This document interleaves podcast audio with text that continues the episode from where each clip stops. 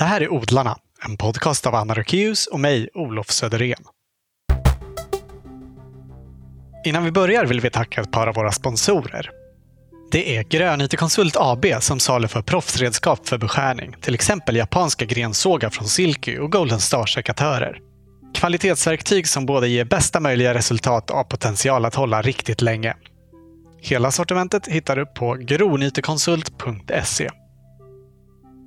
Den här gången sponsras vi också av Impecta Fröhandel. De vill värna om sorter som är väl beprövade i nordiskt klimat och har den egna märkningen kulturarv på vissa av sina fröer. Det är mest köksväxter men även en del blommor som är minst 50 år gamla, men ofta mer än 100. Bra sorter som är väl värda att bevara och som än idag har ett stort odlingsvärde. Stort tack! Utan sponsorer hade vi inte kunnat göra den här podden. På medverkande i det här avsnittet är Lisbeth Flising som är ordförande i Svenska Örtasällskapet. Vad de gör berättar Lisbeth själv alldeles strax, liksom om sin egen trädgård i Lerum där hon odlar örter av alla möjliga slag. Både sådana man kan krydda maten med och sådana med helt andra användningsområden. Intervjun spelade vi in hemma hos Lisbeth den 26 mars. Varsågoda!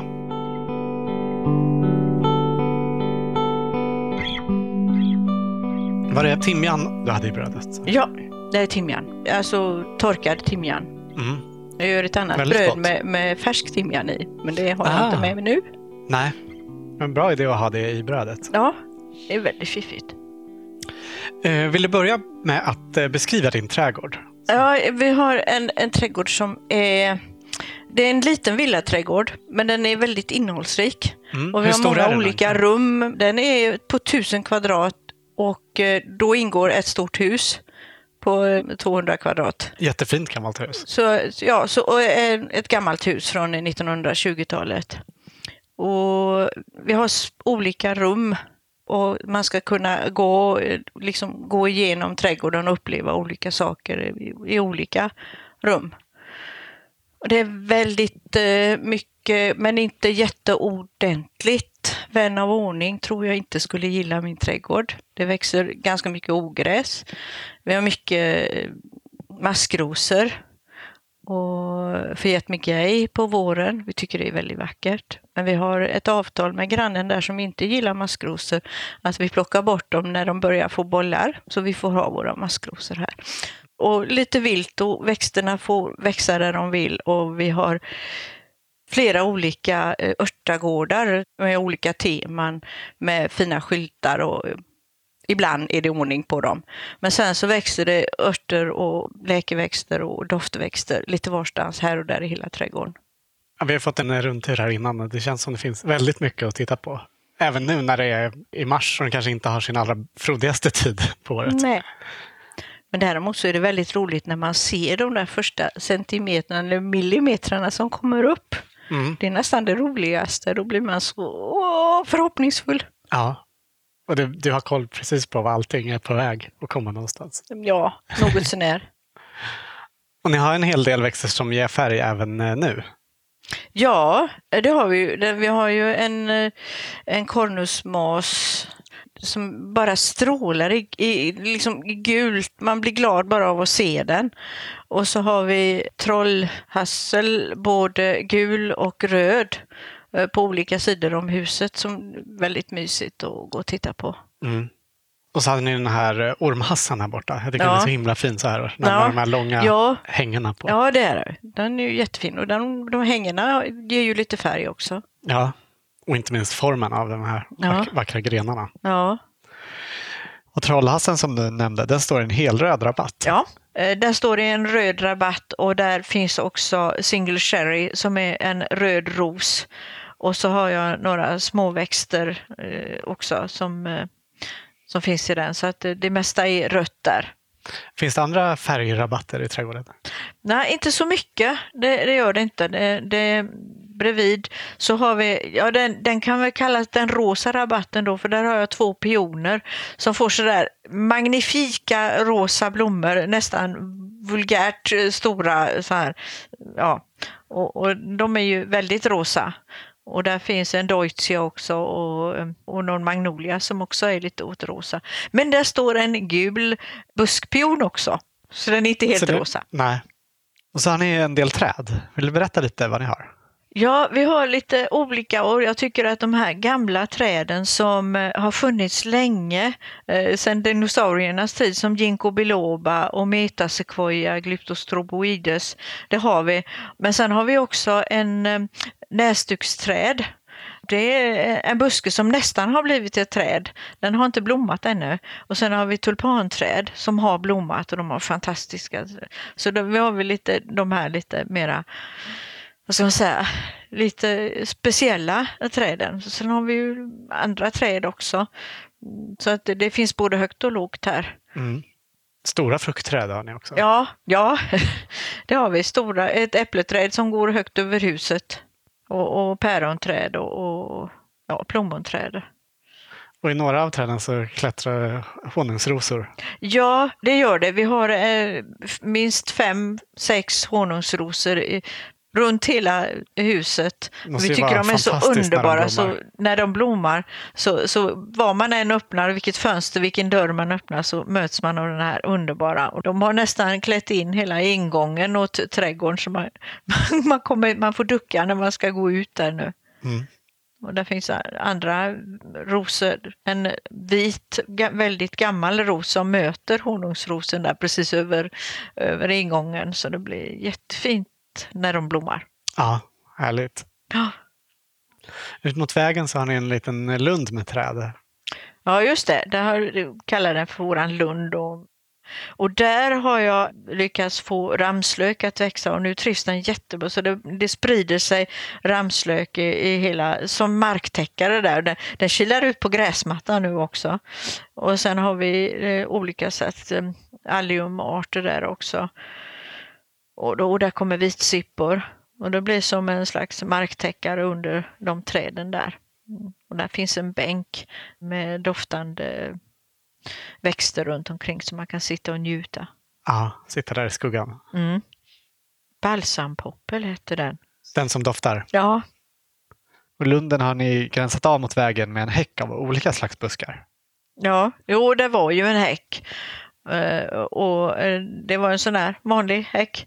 Men jag tycker inte det är så kul. Jag vill ha eh, olika växter. Så att jag, efterhand så tar jag bort häckplantorna och planterar annat. Och, och gärna lite sånt som går att äta. Och om det nog kommer ett barn och tar lite grann, det gör väl ingenting. Det är bara kul. Som ska vara vackert och så liksom många olika växter. Så det ska bli en mång, ja, mångfaldshäck. Jag gillar mångfald, jag gillar olika. Ja, Och, och det, det tar sig uttryck av att eh, det blir inte något snyggt så här och rakt utan det blir lite eh, svajigt och så men det, det tycker jag är okej. ja. Vad skulle du säga att trädgården gör med dig? Trädgården gör mig glad, nöjd, harmonisk och ofta ganska lycklig. Ja, eh, jag, vill bara vara där och, Mm. bara njuta. Och kan gå in i växthuset när det ösregnar och sätta mig och läsa en bok och höra hur det smattrar på växthustaket. Det är jättehärligt.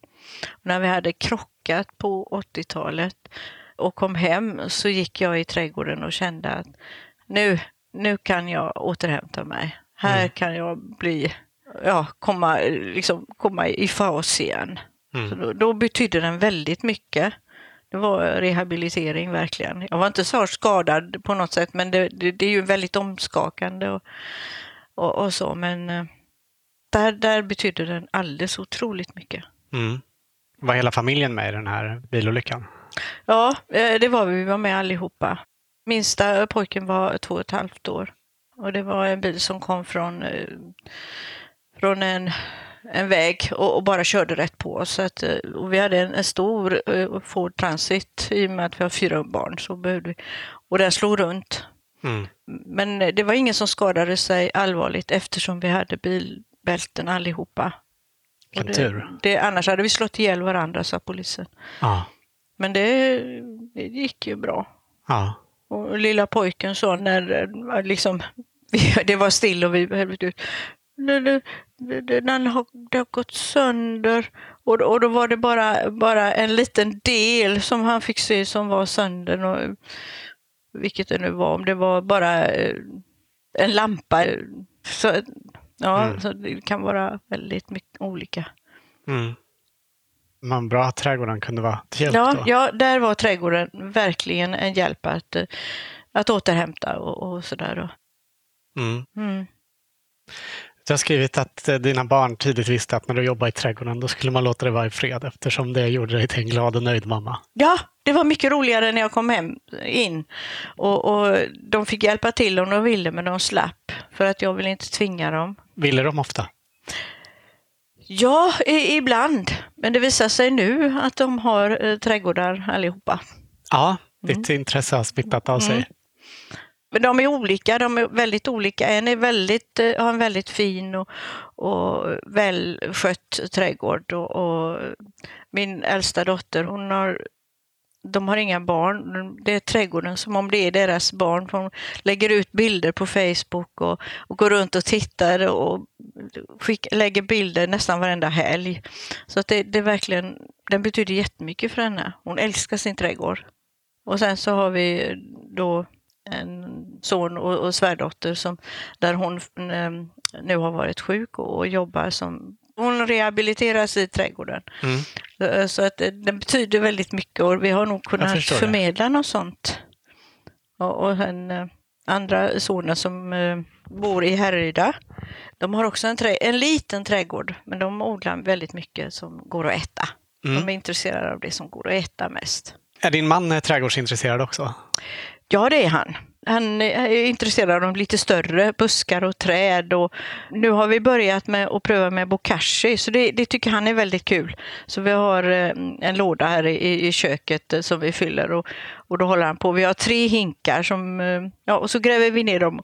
Och vi har inte sett någon effekt än. Det ska bli spännande nu i sommar att se om det verkligen har den effekt som man säger. Mm. Och det tycker han är kul. Lite sådär experiment och att du, du och din man inte alltid är he- helt ense om färgsättningen i trädgården. Nej, eh, jag har en, eh, eller vi har en azaleadal, men jag har Ja. sett det är inte så stort, men jag kallar det för min azaleadal i alla fall. Med azalea och rhododendron i alla möjliga färger. Eh, alltså rött och, och vitt och eh, gult och orange eh, och, och rosa. Och, och jag tycker den är alldeles underbar. Eh, men min man tycker att det kanske skär sig lite grann. Men folk ute på gatan stannar och tittar på den när den blommar som allra bäst. Och jag, tycker inte att blommor kan skära sig mot varandra egentligen. Nej, jag tycker nästan inte det heller. Men Något man får de- ha olika åsikter. Ja, det får man ju. det är tur det. Mm. Har du alltid odlat? Eh, ja, nästan alltid i alla fall. Vi flyttade till Lerum eh, 1971. 71? Ja, och då var det en litet eh, radhus med en liten radhusträdgård. Och, och där gjorde vi en liten, liten eh, som man säga, växthusdel mot huset där jag odlade lite grann. Ja. Sen var det mera lite gräsmatta för barna. Eh, Vi fick vårt, vi fick vårt andra barn fyra dagar efter vi flyttade in där. Oj. Men sen så flyttade vi, när vi fick fjärde barnet så, så ville vi ha lite mer och då flyttade vi hit. Och hur länge är det ni har bott här? Vi har bott här sedan 83, Ja. 1983. Ja. Men du hade inte odlat något innan, det här, innan ni bodde i det här radhuset? Nej, Var, väx, var växte du upp någonstans? I Göteborg, inne i Göteborg, i lägenhet. Ja. Och, och vi hade en eh, sommarstuga i koloni.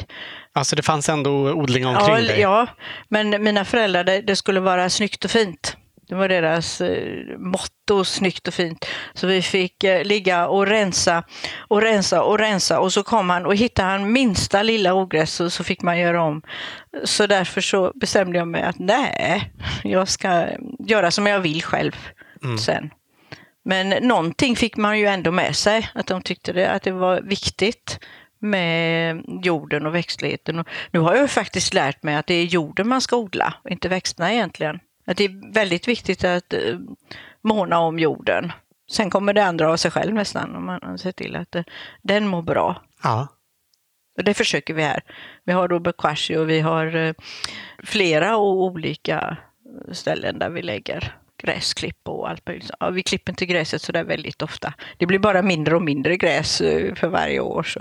Och så tycker jag det är väldigt vackert när det kommer upp bellis och maskrosor och Fiat Bigay och grejer i gräsmattan. Så den, den får vara rätt hög. Ja, det är fint. Det är kanske en motreaktion mot att det skulle vara snyggt och fint. Ja. Du berättade här innan att du inte heller städar i rabatterna under hösten utan du låter Nej, allt stå jag kvar. klipper inte ner någonting på hösten. Dels för att inte kylan ska gå ner och, och, och frostskada. Men också att fåglarna behöver någonting, både det att de kan äta men också att gömma sig i och, Ja. och vara i. Så att eh, jag klipper typ nu. Jag har inte börjat än för det, vi har varit på mässa så att det har varit rätt mycket innan. Så, men nu så ska jag ut och, och, och klippa och göra lite fint. Jag började, jag tog två pioner nu på morgonen för det inte skulle se allt för bedrövligt ut. Men så, tänk, så kom jag, nej, det är lika bra. Jag hinner ändå inte göra något och få se hur det ser ut. Men jag tycker det är vackert med fröställningar som står kvar Ja, det också. Mm. är det. Ja. Och den här eh, den, kardväddets eh, fröställning är ju jättefin. Så den låter jag med vilje stå kvar länge. Ja. Blir den inte till ett ogräs? Den sprider sig men jag tycker rätt okej. Om den kommer på ställen jag inte vill ha den så gräver jag bara upp den. Mm. Och sen så krukar jag det och så säljer jag det på en mässa. Det är jättebra. Ja. Du berättade här innan att just kardvedden har man faktiskt använt i textilindustrin. Ja, man kardar med den och den är faktiskt, det, det finns på eh, museet i Borås så finns det en maskin där man har fäst flera sådana här kardväddar och så låter man tygerna gå där och den är mycket bättre än de, ja, fabriksgjorda maskinerna för att kardvädden viker sig när det är knutar på trådarna i, i, i garnet. Men det gör ju inte en maskin så de sliter sönder men kardvädd liksom är lite snällare mot den. Ja, den är liksom precis Ja. lagom hård. Ja, ja. Och så kan den liksom böja sig så. Det är häftigt. Ja, det är det. Um, vill du berätta om Svenska Örtasällskapet? Ja, det, eh, det startades eh, 1994 ungefär av Lisbeth Dahlmark som eh, hade en örtagård och tyckte att det var spännande just med örter och att det var för lite uppmärksamhet på örter. Då var det verkligen det. Så hon startade ett, en liten förening eh, runt Trollhättan, Vänersborg. Och, och sen så växte den ut eh, mer och mer. Och så blev det Svenska Örtasällskapet. Nej, det är Västsvenska Örtasällskapet först och sen Svenska Örtasällskapet. Och det har alltså hållit, hållit på sedan dess. Mm. Hur länge har du varit med? Eh, Jag kom med 2005. För att på 2004 på hösten så, jag jobbar som pedagog och det var lite tungt och jobbigt just då. Så jag mådde inte så bra och då sa min man att men nu, du har tagit den här lappen och då är det ett årsmöte på museet i Uddevalla och du gillar ju museer så åk dit upp så kan du passa på. Och så åkte jag dit och så åkte jag hem som ordförande för sällskapet. Och det blev det på en gång? Ja, Och har varit det sedan dess? Ja, jag har inte ångrat mig. Ja, jag ska inte säga inte en sekund, men jag har överhuvudtaget inte ångrat mig det, för jag har haft så mycket roligt och lärt mig så mycket. Jag kunde ju nästan ingenting. Jag kan inte så mycket nu heller, men jag har lärt mig att jag inte kan och att det finns så mycket att, veta. Och det tycker jag är fantastiskt. Mm. Att liksom fortsätta och lära sig hela tiden. Och träffat en massa härliga människor, fått jättegoda vänner för livet. Och, Men det känns som när vi, när vi gick runt här innan som att du kan jättemycket. Vi hade tänkt fråga just vad du har lärt dig allt, men är det genom Ja, det- arbetet med Örtasällskapet? Ja, alltså, för, från början så hade vi någon som gjorde vårt Örtablad, som är tidningen som vi har. Men han slutade och då började jag skriva artiklar. Och jag skriver en eh, ganska rejäl artikel i varje Örtablad.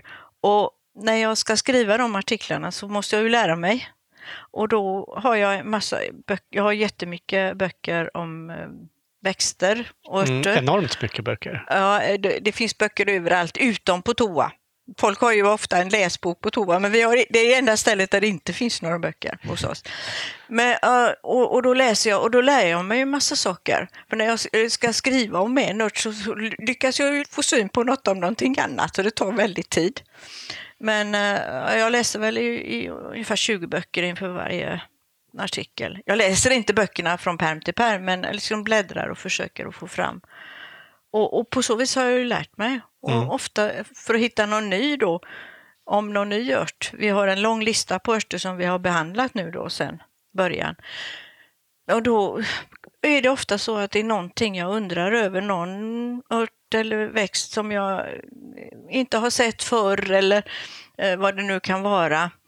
Eh, löparfetblad till exempel eller något sånt där. Och då, Mm. då tänker jag, men vad är det för någonting? Och så tar jag reda på det. Och då tänker jag, det finns säkert någon mer än jag som är intresserad av det här. Och så skriver jag en artikel om det. Ja. Så, Hur många nummer kommer det per år? fyra nummer per år. Ja. plus en frölista.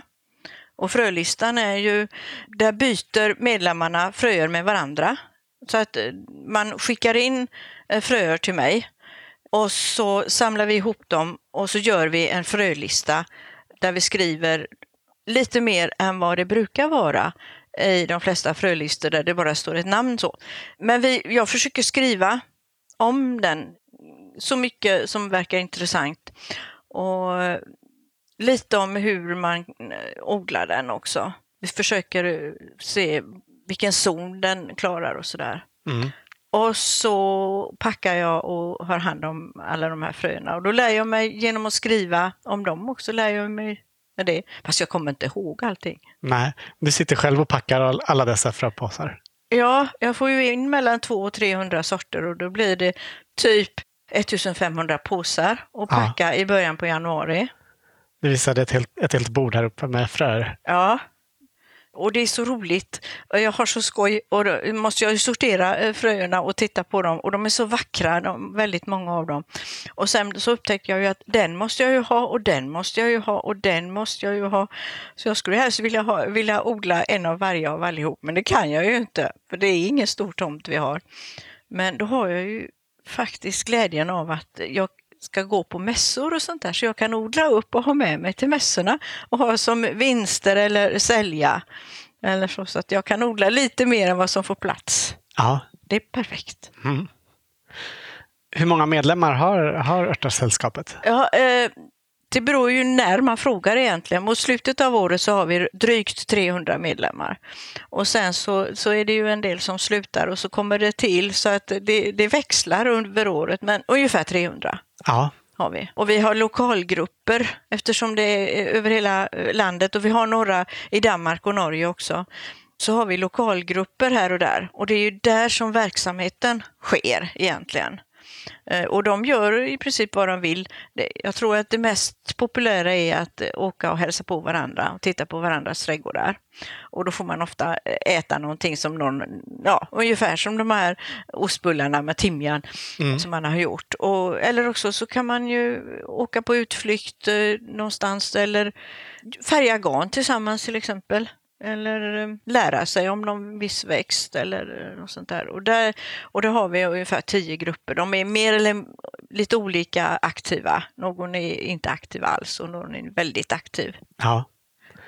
Är syftet med sällskapet just att främja liksom, kunskapen om örter? Ja, det är det. Att sprida kunskapen om örter och deras användning för nu och i framtiden. Man kommer ju, tror vi, få använda örter mycket mer. Om det blir kris eller så, man får svårt att, att få in så. Så vi kommer att behöva den här kunskapen framöver.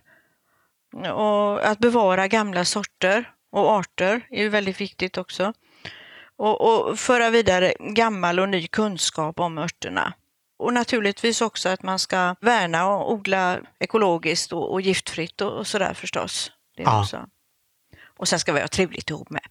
Ja, det är viktigt. Ja. Det finns ju lite olika sätt att eh, definiera en ört. Ja, Vad är en, en ört enligt dig, eller enligt, enligt er? Rent botaniskt så är en ört en fanerogam som inte alls eller endast obetydligt är förvedad och vars ovanjordiska delar vissnar bort efter vegetationsperiodens slut. Det Eh, låter ju som Ja. nästan alla ettåriga växter och alla perenner. Ja, de, de som kryper ner. Ja.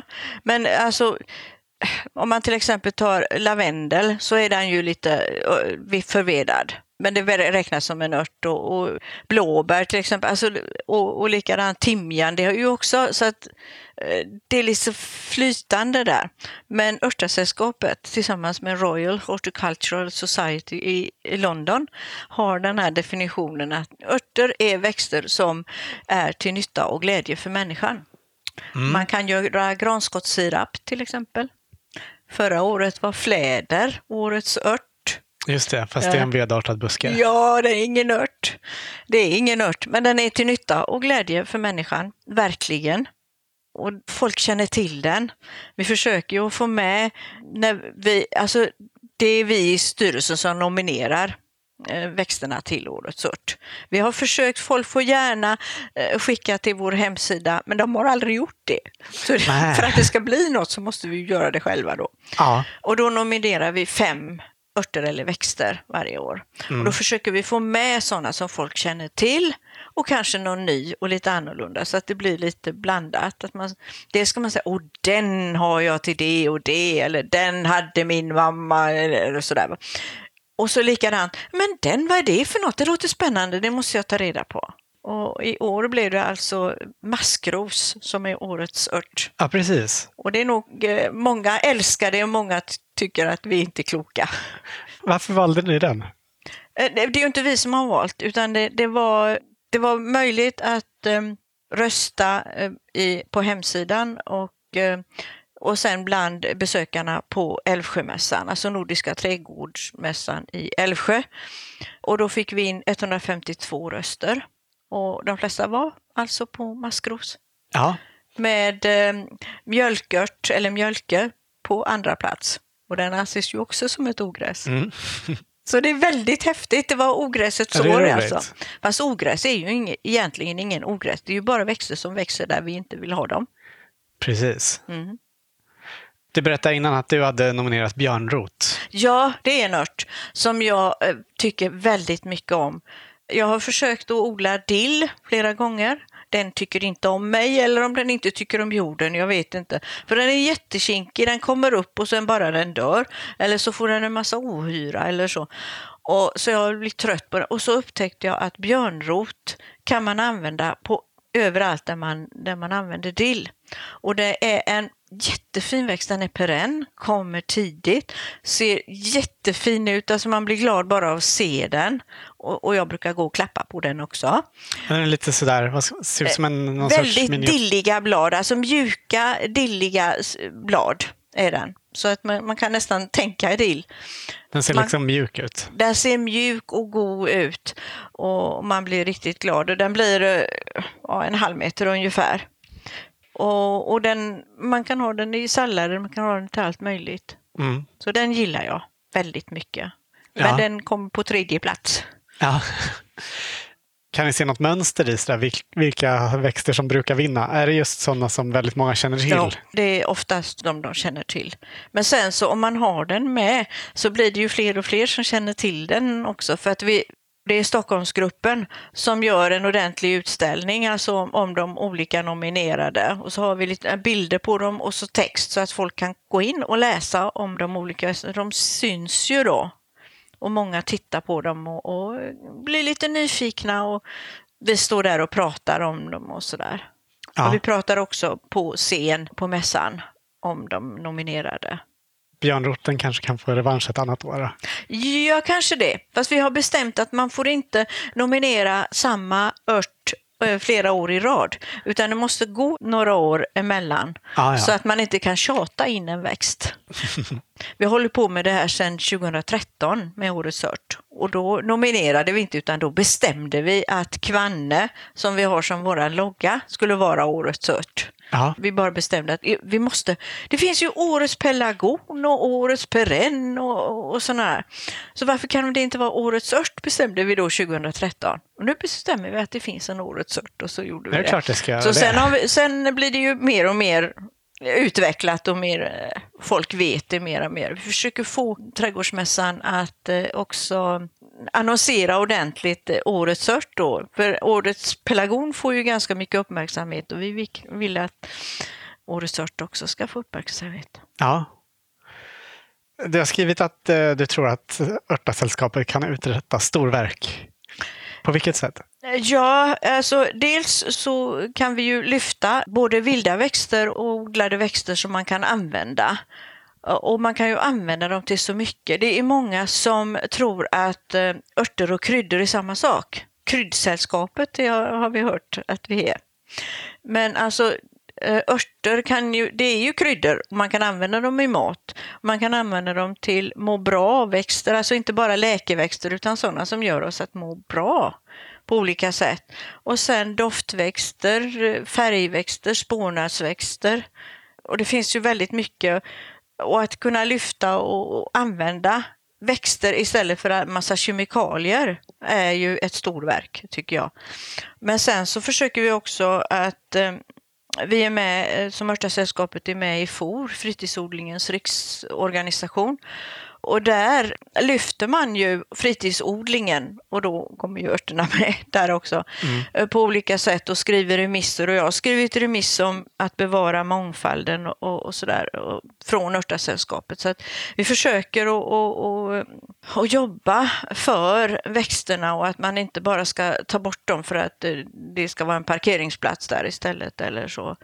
Och likadant så försökte jag eh, få med örter när Unescos eh, konvention om eh, det immateriella kulturarvet skulle implementeras i Sverige. Så jag är med i en grupp där som försöker just det här immateriella är viktigt, inte bara fina hus och fina eh, gårdar och sånt där utan dans, musik, kultur, men växter är ju också kultur. Mm. Och de alltså bär ju på en väldig kultur. Alltså kunskapen om växt, växterna är ju där och är materiella men, men kunskapen och insikterna som finns runt den, de är ju immateriella. Mm. Och det försöker jag att få med.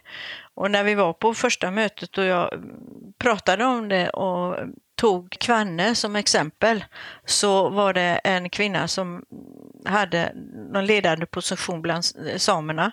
Så hon blev väldigt lycklig. Hon tyckte att det var fantastiskt att vi där nere i söder kan uppskatta och uppfatta vad just de här växterna betydde. Så det, det var ju lite roligt. Ja också historien bakom användandet. Är ja, kulturhistoria tycker jag är jätteviktigt och det försöker jag, det märks i Örtabladet att jag är det. För det står i, i varje sån här artikel så finns det en lång om eh, antingen kulturhistoria eller myter eller legender eller så om hur man har sett den förr och vad man har använt den och, och, så och det tycker jag är jättespännande. Det säger väldigt mycket. Det säger vad man var, berättar vad man var rädd för och vad man ville värna om och, och vad man ville ta tillvara.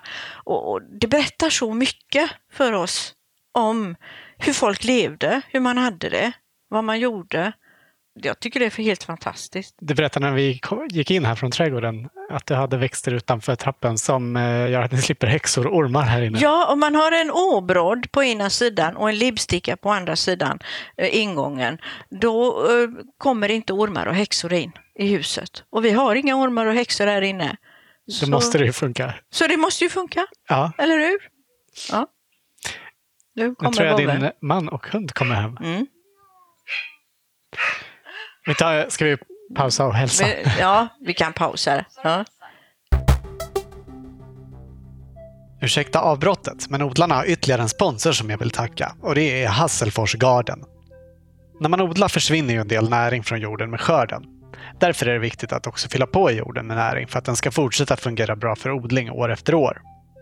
Det finns många olika sätt att göra det på. Vi brukar ju tipsa om att gödsla med sånt som ändå finns i ens närhet. Till exempel med kompost, växtdelar och gräsklipp. Och gärna genom täckodling. Samtidigt vet vi att alla inte har lika stora möjligheter till det. Till exempel om man bor i lägenhet i stan. För jag fattar om det inte är alla som har lust att göra som jag, gå ut och kratta gräsklipp i parken eller förvandla källarförrådet till en kompostfabrik. Och det är inte alla av oss som bor granne med en hästgård heller. Så till er som köper gödsel vill jag rekommendera ett riktigt bra gödselalternativ som jag hittat i Hasselfors sortiment. Det heter Gödsel för köksträdgården och är gjort av återvunna råvaror från livsmedelsindustrin och helt veganskt. Det funkar både som grundgödsling nu på våren och för eventuell stödgödsling och är lätt att dosera. Perfekt att använda oavsett om man odlar i krukor, lådor som pallkragar, i växthus eller på friland. Och väldigt viktigt, det är kravgodkänt, vilket bland annat innebär att det är helt fritt från konstgödsel. För är det något som jag verkligen avråder från i gödselväg så är det just konstgödsel. Stort tack Hasselfors för att ni är med och gör den här podcasten möjlig. Jag var ju inne på att eh, det finns så många saker man kan använda örter till. Och förut när vi var ute i trädgården så pratade du om örter som godis. Ja, jo, alltså spansk körvel är en helt fantastisk ört. Eh, bladen kan ju användas som krydda eller i sallad, men de omogna gröna frukterna är världens godis. Alltså smakar lakrits som är godare än lakrits du köper. Och då kan man gå, gå dit och bara, eh, bara ta sig några frukter. Men det är medan de är gröna. Ja, de små ja. fröna. Ja, mm. ja, de är ju ganska stora. De, men eh, sen när de blir bruna så använder man att putsa skorna istället. Aha. Eh, så det kan man göra. Och, och sen eh, läkemalva. Det gjorde man ju tidigare marshmallows av. Och det var ju en, en godis som också var bra för halsen. Så det var ju, nu gör man det med kemikalier, men förr i tiden så... Vet du vilken del av växten man använde till? Ja, det är skälkarna som man använde. Och, och, och, då så skalar man dem och använder märgen. Och den hade en svampaktig textur som påminner om eh, moderna marshmallows. Och så kokar man den i sockerlag och sen torkar man den. Aha. Men jag har inte prövat. Nej. Nej.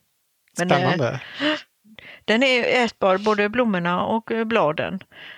De är lite, om man ska, man ska inte äta bladen som de är för det är lite sticksigt så man får vara försiktig. Ja.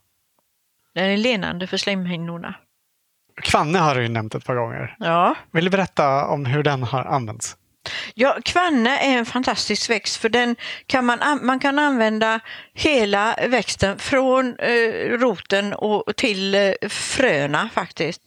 Eh, roten kan man använda som läkeväxt och skälkarna kan man, man kan karamellisera dem, kandera dem heter det, till, som godis. Mm. Bladen kan användas som grönsak och, och rött, alltså skälkarna också.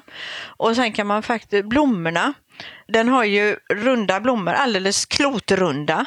Just det. Och, och de kan man... Flockblomming ser, ser ut som en eh, lite som ett eh, hundkex eller vad ska man säga? Ja, det gör den ju. Och de här blommorna kan man alltså lägga i, i pannkakssmet och, och fritera och, ha, eh, som, ja, och äta som friterade mm. pannkakor ungefär om man vill. Och fröerna kan man rosta och strö över maten. Så då har vi kommit ända upp och använt alltihopa. Ja. Och den används ju väldigt mycket eh, långt upp i norr hos samerna. Och jag pratade med en på mässan om att, som bodde väldigt långt upp vid Treriksröset och där var just kvanne inte så vanlig, där var mjölke vanligare. Och det hade okay. jag ingen aning om, så nu lärde jag mig det.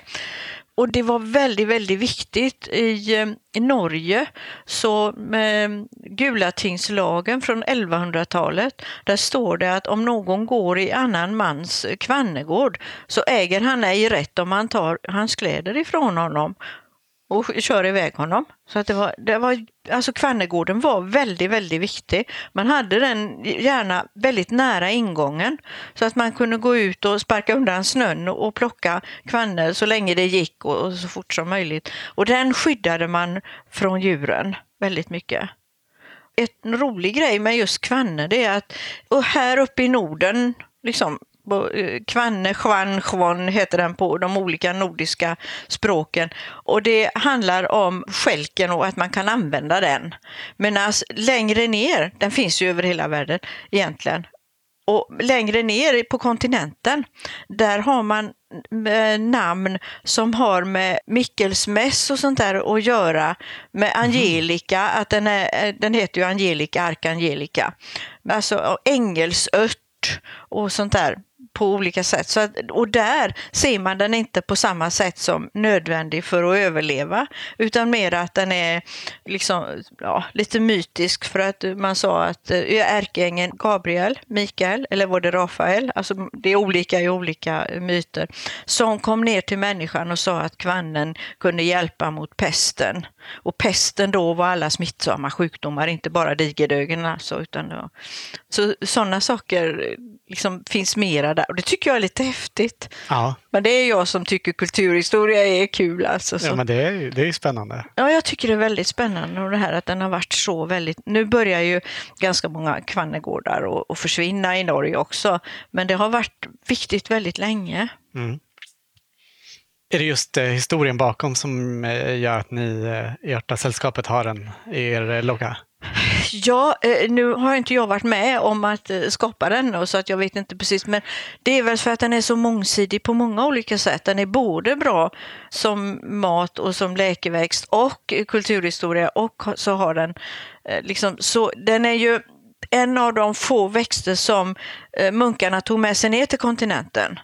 När de hade varit här med massa saker. Vi ska inte skylla munkarna för allting. För det var, vikingar kom med massa olika växter också, men vi skyller väldigt mycket på munkarna. Men alltså, de, den kom ner till, alltså som man hämtade härifrån.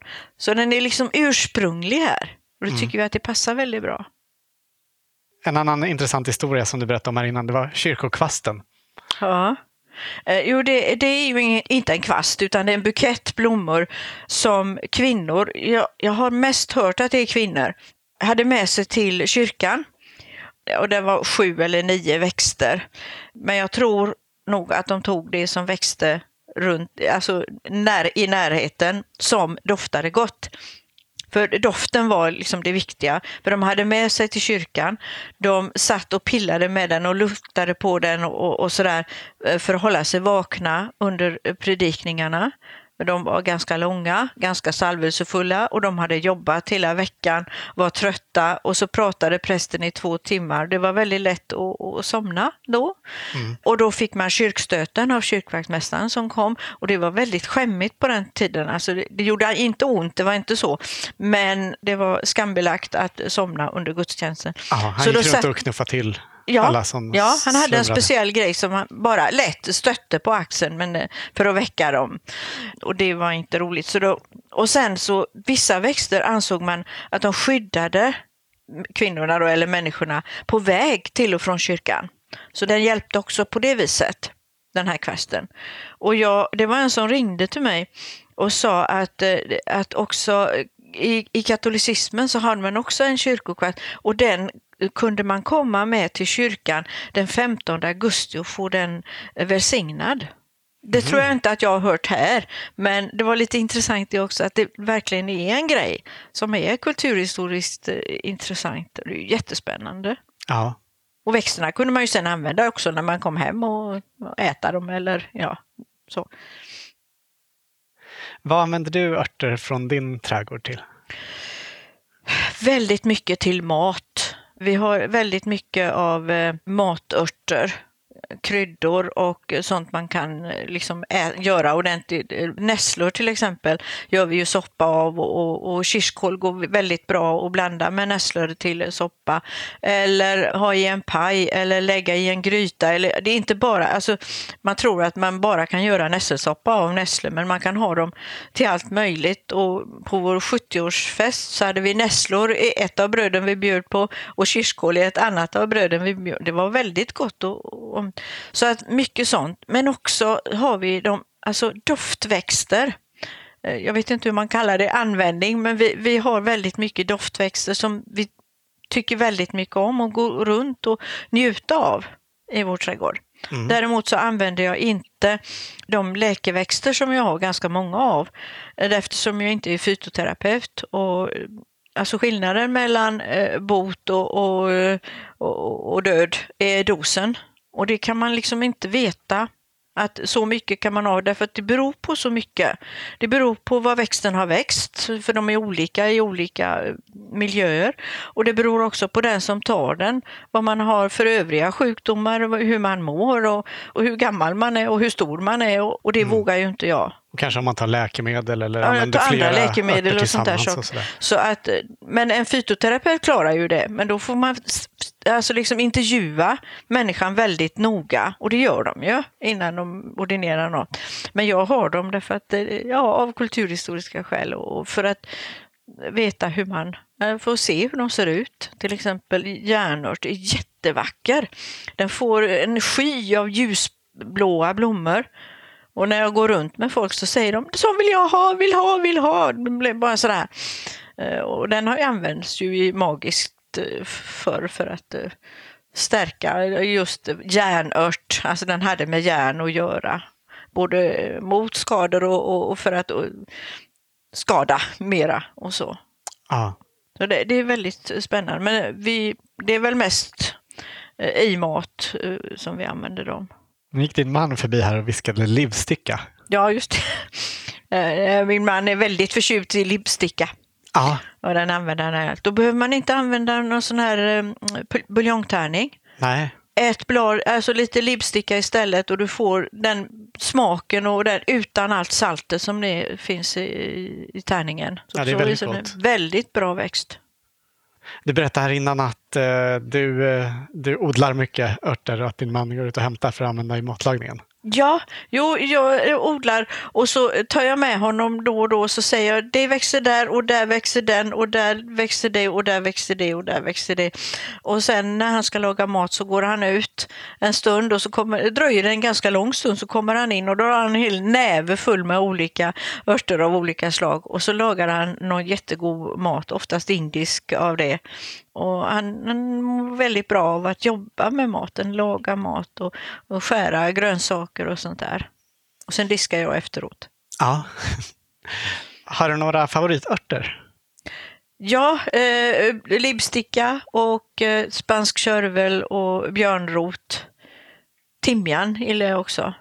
Och piplök och vitlök och ramslök. Ja, det hörs att det använder mest det som man har till mat. Ja, ja. Det är ju det, mest så. Har du tips på några särskilt användbara men kanske lite, lite okända örter? Ja, det skulle väl vara björnrot då som är lite okänd. Sen är jag väldigt förtjust i rosmarin, den är inte okänd alls. Men att göra rosmarinpotatis är helt fantastiskt. Alltså bakade potatishalvor med rosmarin på. Eh, då måste man göra dubbelt så mycket som man hade tänkt. För folk tycker det är så gott så de äter jättemycket. Ja. Och så luktar det så gott i hela huset så att eh, alla vill ju, kommer och står och vill äta. Ja. Du har ju väldigt mycket olika myntor också. Ja, ja det har jag. Jag har eh, en bänk där jag har eh, krukor med myntor. Och det är väl eh, runt 10 stycken, 10-12 olika sorter. Och, och, det är väldigt kul med lite olika smak och lite olika doft framför allt. Och vi har några som är i gräsmattan och det gör att det är väldigt mysigt att klippa gräset. Så det kan ju bli eh, slagsmål om vem som får klippa för det luktar så mysigt när man är. Ja, Men de som jag vill hålla ordning på, de har jag i krukor. Men då måste man ju ta in dem på vintern för att annars kommer ju kölden åt krukorna utifrån och det, det tål de inte. Men annars är de ju perenna nere i marken. går ju bra. Och myntor kan man ju ha till allt möjligt, till mat och, och, och man kan ju ha det till eh, må bra-växter också. Mm. På olika sätt. Och sen finns det en pelargon som eh, heter tomentosum som har jättemjuka goda blad. Och den är en bra eh, må bra-växt för den, den kan man ha eh, där man sitter och jobbar vid skrivbordet och så, så kommer man åt den så sprider sig doften och det, det känns nästan som det är lättare att andas. Den är väldigt eh, ja, välgörande. Det är ju en krukväxt, eh, så ja, nu är vi där igen, vad är en ört? Så. Ja. Men den är väldigt mysig. Den får inte några spektakulära blommor, små vita är oansenliga blommor. Så man har den inte för blommornas skull utan bladen då. Men det är också sådär man vill gå och klappa. Ja. ja. Vi läste någonstans att du också har ett intresse för asiatiska växter. Ja, eh, det är ju väldigt spännande. Det är ju inne nu, men jag tyckte liksom inte bara asiatisk, utan jag kom på det att för det, vi har varit på, haft en örtagård i eh, Eriksbo och där var väldigt mycket invandrare. Och när man, när man träffas eh, i en örtagård så blir det väldigt mycket prat om eh, min mamma gjorde så och så, men den fanns hemma hos mig och där använde vi till det och det. Och då kommer jag tänka på att det här måste ju vara någonting som man kan mötas mellan kulturer. Därför att man kan man ser samma växt men man har väldigt mycket olika att berätta om den. Så jag plockade fram växter från alla eh, olika världsdelar. En växt då som finns här, som man kan odla här. Kanske inte i marken, men i alla fall som en kruka som är möjlig och som också finns på något annat ställe. Då. Om man tar Asien, eh, bockhornskröver i Indien eller kinesisk gräslök i Kina eller grönmynta i Turkiet till exempel eller i Afrika då rosengeranium i Sydafrika. Och, och man kan hitta, eller i Sydamerika till exempel quinoa och det kan man odla och då kan man träffas och prata kring detta. Och då tog jag reda på vad den heter på landets språk då, så det, det tycker jag är ett väldigt eh, intressant sätt att kunna mötas och prata om. Ja, ja. också för att veta veta olika sätt att använda växter på. Ja, precis. Och, och, och att det är ju spännande att, att grönmyntan som vi tycker är så jättevanlig här, den finns också där. Alltså så på så vis så får man ju växter från hela världen som kan bosätta sig här hos oss. Ja. Är det något särskilt som du tycker man ska tänka på om man vill anlägga en örtagård? Uh, ja, um, det är ju viktigt med det här med jorden, att man ser till att det är ordentligt jord. Och alltså många örter uh, vill ju ha ganska mager jord med mycket sol och gärna väldränerat. Och att man har ordentliga kanter så att de inte rymmer iväg. Att man kommer åt så man kan plocka dem och använda dem. Gärna små skyltar om man börjar bli lite gammal som jag så man kommer ihåg vad det är för någonting. Ja, du är väldigt bra på att märka upp. Alltså det sitter skyltar överallt. Det är nästan som en botanisk trädgård. Man kan gå runt och läsa om de olika ja. växterna i din trädgård. Ja, och det, det, är väldigt trevligt. Och det är trevligt för en själv också. För att eh, man, man liksom eh, man kommer inte alltid ihåg och, man, man påminner sig själv om vad de kan vara bra för. Så att jag har ju inte skyltar överallt, men jag har skyltar i Örstagårdarna. Har du ofta besökare som kommer hit och tittar på trädgården? Inte ofta, men då och då. Och då brukar det ta en stund att gå runt. Mm, det finns ju mycket att se. Ja, för jag måste ju berätta om allting. Och om den här klibbsalvian till exempel som är en av de eh, få salvior som har gula blommor. Och den är ju speciell och då måste jag ju berätta en stund om den och sådär. Går så. den att använda till någonting spännande? Jag har inte använt den till något. Det, det vet jag inte. Nej. Och sen är det ju så, de flesta salvior är ju inte perenna utan man får köpa nya. Kryddsalvia är perenn. Och så, liksom, men de flesta andra de, de dör ju. Eller ja, om man säger så så är det alltid någon som säger men jag har haft min i tio år. Ja men var glad för det då säger jag. Mm ungefär. Du sa att man ska ha kanter runt, men eh, i er trädgård så är det ju ganska... Ja, du, du poängterar flera gånger när jag gick runt där att det är väldigt tillåtande att växterna får Växterna växta, får göra de som får de vill. Lite ja. de vill. Men eh, kanterna är mera till för att eh, man ska ha gångar och kunna gå emellan. Men växterna, om en växt inte kommer här där jag har satt den, men den kommer lite längre bort, så talar den ju om att den trivs mycket bättre där. Då är det klart den får vara där. Och, och, och, där får den växa. Ja, du sa innan att, eh, att du tycker man ska jobba med naturen och inte emot den. Ja, det tycker jag är väldigt viktigt. För alltså, vi är ju en del av naturen och den finns ju här runt omkring oss. Så att det blir ju mycket bättre om man jobbar med naturen istället för mot den. Då, eh, då får man ju bara en massa besvikelser. Mm. Men eh, liksom följer man med naturen så, så blir det ju mycket bättre. Tycker jag. Eh, så att det är inte så välordnat i vår trädgård. Men det finns väldigt mycket och jag tror de trivs gott där de har valt att vara. Och då kan jag eventuellt flytta hela örtagården dit då. då. Ah, ja, kan du... jag få en anledning att göra om lite grann. Ja. Jag har förstått att trädgården just är en plats där du får utlopp för din kreativitet. Att du att det gått från att ha raka rader till att ta ut svängarna lite mer? Ja, det, det, det gör vi ju. Vi har, jag har haft eh, jul och jag har haft eh, örtagård, alltså att det har sett ut som en fisk. Det bara blev det. När vi stod upp på andra våningen och tittade ner, ja, men det ser ut precis som en fisk. Då hade det blivit det av sig själv. Eller jag hade som en flod eller en orm igenom med, med växterna runt, eller en solfjäder. Man kan göra precis vad man vill, det är jättekul. Och, och, så kan man göra nya och man kan fundera på, nu funderar jag lite på om jag ska göra en örtagård med, med stjärntecken enligt Kulpeppers eh, idéer från Anno Datsumala. Alltså, eh, att vissa växter hör ihop med vissa stjärntecken på något sätt. Det skulle jag vilja göra med mitt eget och, och min mans eventuellt. Nu kan jag inte så mycket så jag kan inte berätta men det, sådana där idéer kan man ju få. Ja. Och då kan man göra det. För det är min trädgård, jag gör som jag vill. Eller som vi vill. Men Björn brukar inte ha så värst mycket åsikter om hur det ska vara. Han hjälper till när jag säger nu så ska vi göra detta här och detta här. Mm. Och så jobbar han med sitt bokashi då. Så, och, och, och hjälper med jorden och, och se till att den mår bra. Så det blir ju att vi jobbar ihop med det fast vi gör lite olika saker. Ja, och det här örtahjulet, det har, har ni ju kvar nu också. Ja, vi har kvar eh, ja, tanken om att det ska vara det och det finns ju ekrar. Men nu har vi, när vi gjorde det först så var det egentligen en, en rolig historia om det för att vi, vi har en skorsten här som är nio meter hög och, och den blev dålig så vi fick ta ner den. Och eh, de eh, la stenarna lite här och där i alla i våningarna här. Så vi hade, ja det tog väl ett halvår eller ja, något år och de låg kvar. Lite varstans.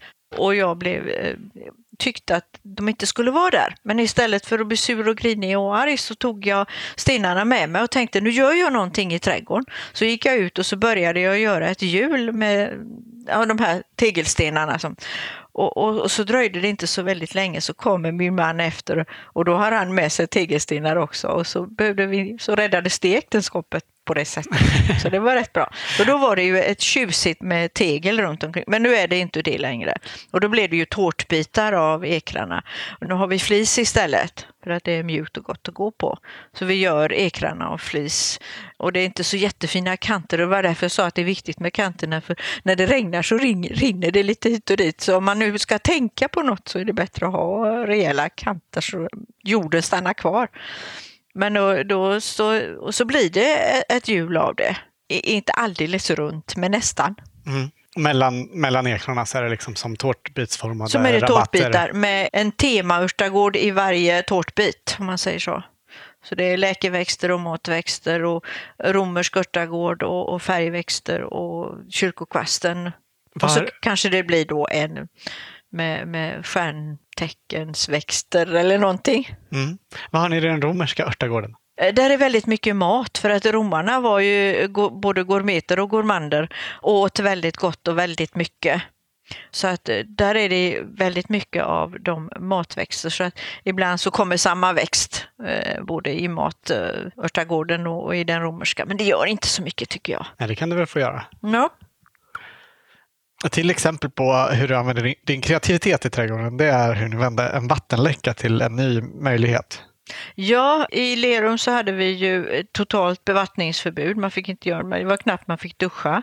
Under förra sommaren? Under förra sommaren då. Och det var ju mycket som, som inte klarade sig, men mycket klarade sig ändå. Men, och mitt när det var som torrast och värst så fick vi en vattenläcka så att det sprutade vatten upp ur jorden.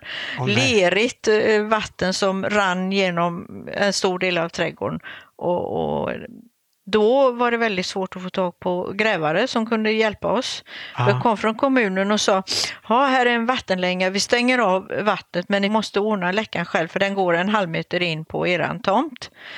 Och så åkte de iväg. Och då fick vi fixa det själva. Efter ett tag så hittade vi en grävare som kunde komma och han sa jag kommer imorgon.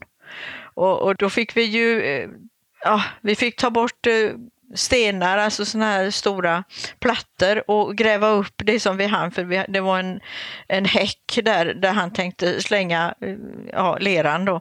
Så vi, jag grävde och min man bar.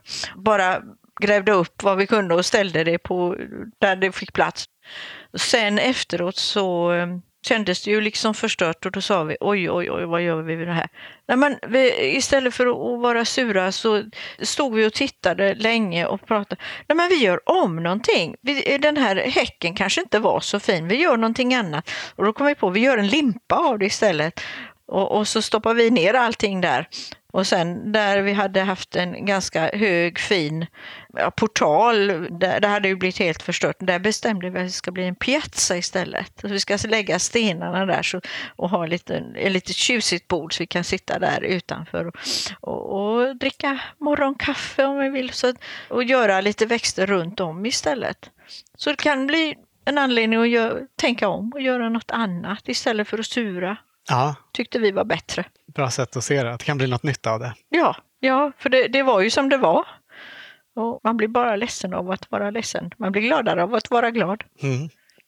Måste ju nämna också att ni har ett växthus som ni gav er själva i 60-årspresent. Ja, vi hade ett litet växthus men det började bli så litet och så var vi på, eh, på Lisebergs eh, trädgårdsdagar och där hittade vi ett växthus åttakantigt som vi tyckte såg så fint ut och frågade vad det kostade. 16 000 sa de då och 20 000 med uppsättning. Och då tittade vi på varandra och, och eh, bara bara blev så lyckliga så då beställde vi det.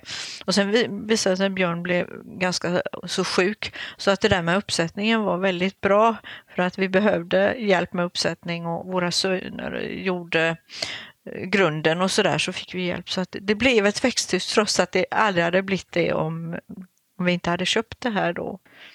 Men det, det är galvaniserad plåt så det håller våran livstid ut men inte, kanske inte så mycket längre. Men det är väl okej okay för oss. Det är ni som ska ha det. Ja, det är vi som ska ha det. Sen så vet man ju aldrig, det kan komma någon som köper och som vill ha en eh, japansk trädgård och ta bort allting och lägger sten i hela vår trädgård. Det vet ja. man ju inte. Är Fast det, det vill jag ju inte. Nej, såklart. Apropå det, hur såg det ut när ni kom hit? Ja, då var det, då var det i princip ingenting.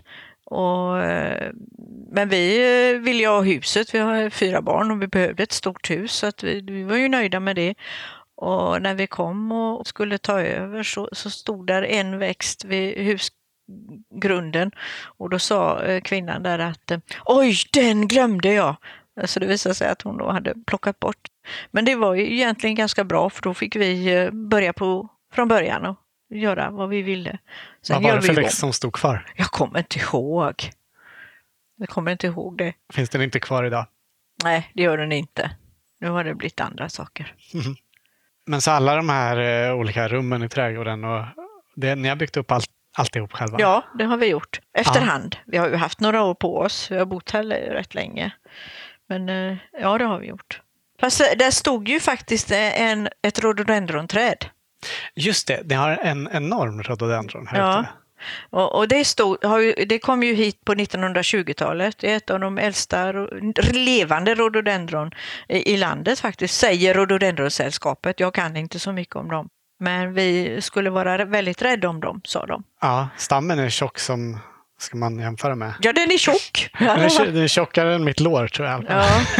ja, det är den. Och den är hög också. Det är som ett träd.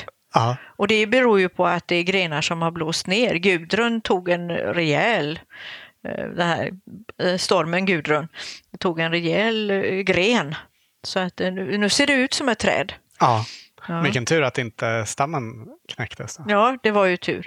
Och sen växer det ju eh, skogsklimatis upp över bladen, över toppen till och med. Ja. Det måste ju vara fantastiskt när den blommar. Ja, det är lite kul. Det blommar vitt på... Ja, det var inte rhododendronblommor, nej, säger folk. Men då är det ju inte det. Nej. Men nu så ska, får vi nog röja lite i den. Men den stod här. Och det var lite spännande, vi kunde se på gamla bilder hur det var en pytteliten, alltså den var väl en, eh, en dryg meter, en, gamla bilder på den. Så de, man kunde se att den faktiskt stod där då. Det tyckte de var kul på Rhododendronsällskapet att man kunde verifiera att den faktiskt var där. Mm. Då. Roligt. Mm. Och under den så har ni planterat en liten skogsbacke. Ja, jag tyckte att jag ville ha, jag, jag har ju pratat om att vi har olika rum och då en skogsbacke tyckte jag var fint så jag plockade hit eh, vanliga blåbär Alldeles, alltså inte något märkvärdigt. Vi har den här blåbärstry, men det här var vanliga. Och så planterade jag och de, de trivs där. Och så var jag i skogen och hämtade en gren som jag har lagt där också. Så det, det blir min lilla skogsbacke. Och ja, den, den, får, den får bo under rhododendronträdet. Passar bra, de är ju surjordsväxter, blåbären också. Ja. Mm. Vi läste också att du drömmer om att starta en sinnenas trädgård. Ja, det gör Berätta. jag. Eh, och jag har ju skrivit om det, om Syndernas trädgård för, i Barnträdgård eh, som finns på hemsidan också. Att man kan, en trädgård där man då går på olika material och man känner, man kan ha taklök till exempel, eller björnrot, och taklök som är stixig och mariatistel, alltså man kan känna och känner de olika. Och man kan lyssna och man kan ha växter som låter lite grann, bambu till exempel som du susar i och sådär. Och så väldigt mycket färger så att ögat får sitt och som doftar så man får... eh, Och det, det, det funderar jag på. Jag, kanske inte i min trädgård, men i ett av mina barns trädgård så har vi planer på att göra eh, en eh, ordentlig sinnenas trädgård. Ja. Man skulle kunna vandra. Visst finns det sådana lite varstans? Jo, man, man har det ju gärna vid äldreboenden och så. Att man liksom, för att det är ju väldigt mycket terapi kring, alltså örterna är väldigt användbara i terapi av olika slag. Och just det här att de minnena försvinner sist. Doftminnen till exempel finns kvar väldigt länge hos oss. Även när mycket annat har äh, försvunnit. Så, så därför är det ju- väldigt vanligt att man använder det och att man försöker att som äldre stoppa ner fingrarna i jorden gör väldigt mycket. Ja. Flera av de växter du har nämnt växer också vilt i naturen. Tar du vara på mycket från, eh, från naturen också? Ja, jo, men det, det är ju klart. Löktrav till exempel, det är ju en, ett ogräs som finns lite varstans. Det kan man använda i mat. Eh, Det smakar lite vitlöksaktigt eller lökaktigt och, och sådär. Det kan man ju använda. Det är lite lustigt att den, för det, det är inte alls någon lök. Nej, nej, nej, nej, det är det ju inte. Nej, och, och det finns andra växter som man, man kan använda på olika sätt. Försvann det. Ja. Det var någon särskild du tänkte på? Ja, eh, som man kan ha, eh, som eh, man har använt mot förkylning Mm. och, och som innehåller ämnen som man nu har syntetiserat och använder i magnesyl till exempel. Acetyl, Ah, är det typ älgräs? Älgört eller älggräs. Ja. Det var det. Ja. Och det, den kommer ju från naturen. Här har vi amerikansk eh, älgört och den, den får rosa blommor och har Oj. ungefär samma effekt. Men vi går, jag går och plockar älgört när den blommar och tar blommorna och sen äter vi eh, varm älgörtsaft i januari när folk blir förkylda och vi också. Och, och det hjälper. Ja. Alltså det lindrar Du sa att du som... var försiktig med att använda läke, läkeörter, men Ja. det, den vågar du? Ja, eh, alltså den läker inte, den lindrar. Så ja, just som, som om ta magnesyl. Mm. Den innehåller acetylsalicylsyra. Du har varit inne på att du mår väldigt bra av att vara i trädgården och att du ser det som Mm. avkoppling. Är det bara kul eller kan du någonsin vara stressad över trädgården? Ja, det är klart man kan vara. Särskilt om det ska komma någon och jag inte har hunnit att rensa. För det finns så mycket roligare saker än att rensa. Och, och sen nu har jag dåliga knän så jag kan inte ligga och rensa. Och då gör det ont i ryggen när man ska böja sig. Men eh, då gör man inte, alltså då accepterar man lite mera ogräs. Men jag kan ju, alltså ibland så skulle jag ju vilja vara mera rörlig än vad jag är. Ja, ni har, ni har en eh, bänk med kryddörter i ståhöjd här ute. Ja, ja, det har vi också. Och det kommer vi att göra mer och mer. Vi var eh, för några år sedan i Rom på eh, Orto Botanico och där hade de upphöjda bäddar med jättevacker eh, tegelsten. Och då tänker vi att man skulle kunna bygga upp, men då kan man ju, ta- då kan man ju ta och leka, eh, alltså man behöver inte ha så vackert och dyrt som tegel, men att man eh, bygger upp det så att man inte behöver klättra ner. För Ja, Om man är 70 plus så är det väldigt långt upp ifrån marken när man har varit där nere. Så att det är väldigt bra om man slipper. Så det, det kommer vi att göra mer och mer för vi vill inte eh, sluta vara i trädgården utan vi får låta trädgården anpassa sig till oss istället. Ja. Så får det bli. Ni har väldigt mycket marktäckare under de eh, större växterna. Ja, jo, Det, måste ju vara ett sätt att Ja, det slippa ett sätt. en del av rensningen Ja. också. Det är ju ett sätt att, eh, att det inte ska, alltså om man sätter ett träd så ska det ju bara eh, ha jord runt sig, all, det allra första. Men sen kan man ju mycket väl plantera, och det gör vi ju, med sockblommor och, och myskmadra och, och vinka och eh, liksom, lite olika sådana. Och det blir ju fint. Och, och så växer det inte så mycket annat. Dock har vi eh, parksallad. Och den växer där vi inte vill. Men eh, ja, det är inte mycket att göra åt, den är där. Ja. Eh, Kan man använda den till något? Vi klipper ju på den så att den, den blir ju aldrig hög och, och förstör. Men Nej. den finns där. Den blir som en marktäckare den också. Kan man använda parksallad till någonting? Det tror jag inte. Jag vet inte. Nej. Den är väldigt lik cikoria. Sådana blåa, himmelsblåa blommor. Ja, men inte användbar som, som Nej, ört, vad det, det jag har inte, eller också så tycker jag så illa om den. Men jag, det, det vet jag faktiskt inte. Nej. Men kirskålen, den bryr du dig inte om att försöka rensa bort? Nej, alltså den, den tar, eh, använder vi att äta och då ska man ju ta, eh, när, precis som de kommer upp, när det liksom är nästan lite blanka blad, då är de som godast. Så det, då går vi och plockar dem. Och de andra tar vi bara bort, det är inga problem. Nej. Jag är så glad för eh, jag fick ju en liten brokbladig kirskål av dig här innan. Ja, just Som jag har det. letat efter. Ja, just det. Den hade jag köpt och har i, i kruka. Ja. Tackar så mycket för den. Är det någonting mer som du skulle vilja att vi pratade om? Nej, ja, det skulle i så fall vara att vi, vi har etablerat ett samarbete med Botaniska trädgården i Göteborg.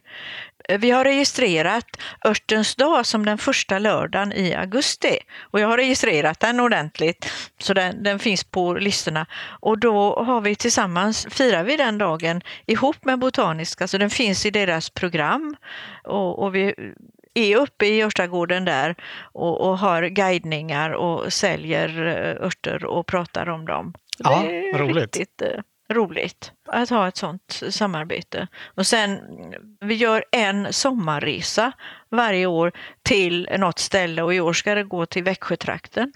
Är det något särskilt ni ska titta på där i trakten? Eh, Riksdagsmannagården. Eh, och ja, det är inte riktigt klart än för jag bruk, har lärt mig nu faktiskt att eh, em, delegera så att det är lokalgruppen i Växjötrakten som eh, ser till att programmet görs. Och det är väldigt bra. Ja. Jag, jag gör så mycket annat. Så, Ja. ja. Eh, vi brukar alltid avsluta våra intervjuer med att vår medverkande får ge sitt bästa odlingstips. Vilket är ditt? Ja, att börja eh, odla på fönsterbänken tidigt inne och ta vara på det som kommer och inte vara ledsen på det som inte kommer. Utan man, man sår en massa och så får man se vad som kommer. Och liksom, då blir man inte ledsen utan då blir man glad över det som kommer. Mm. Det är ett bra tips. Mm. Tack så jättemycket för att eh, vi fick komma hit och hälsa på. Ja, tack så mycket, det var trevligt. Härligt att prata örter med någon som vill lyssna länge. Ja, men det är Jag så, brukar så prata och folk lyssna. eh, tystnar efter en stund. Ja.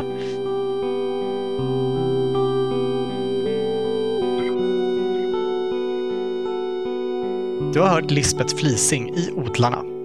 På ortasällskapet.se kan du läsa mer om Svenska Örtasällskapet. Och där kan du förstås också bli medlem.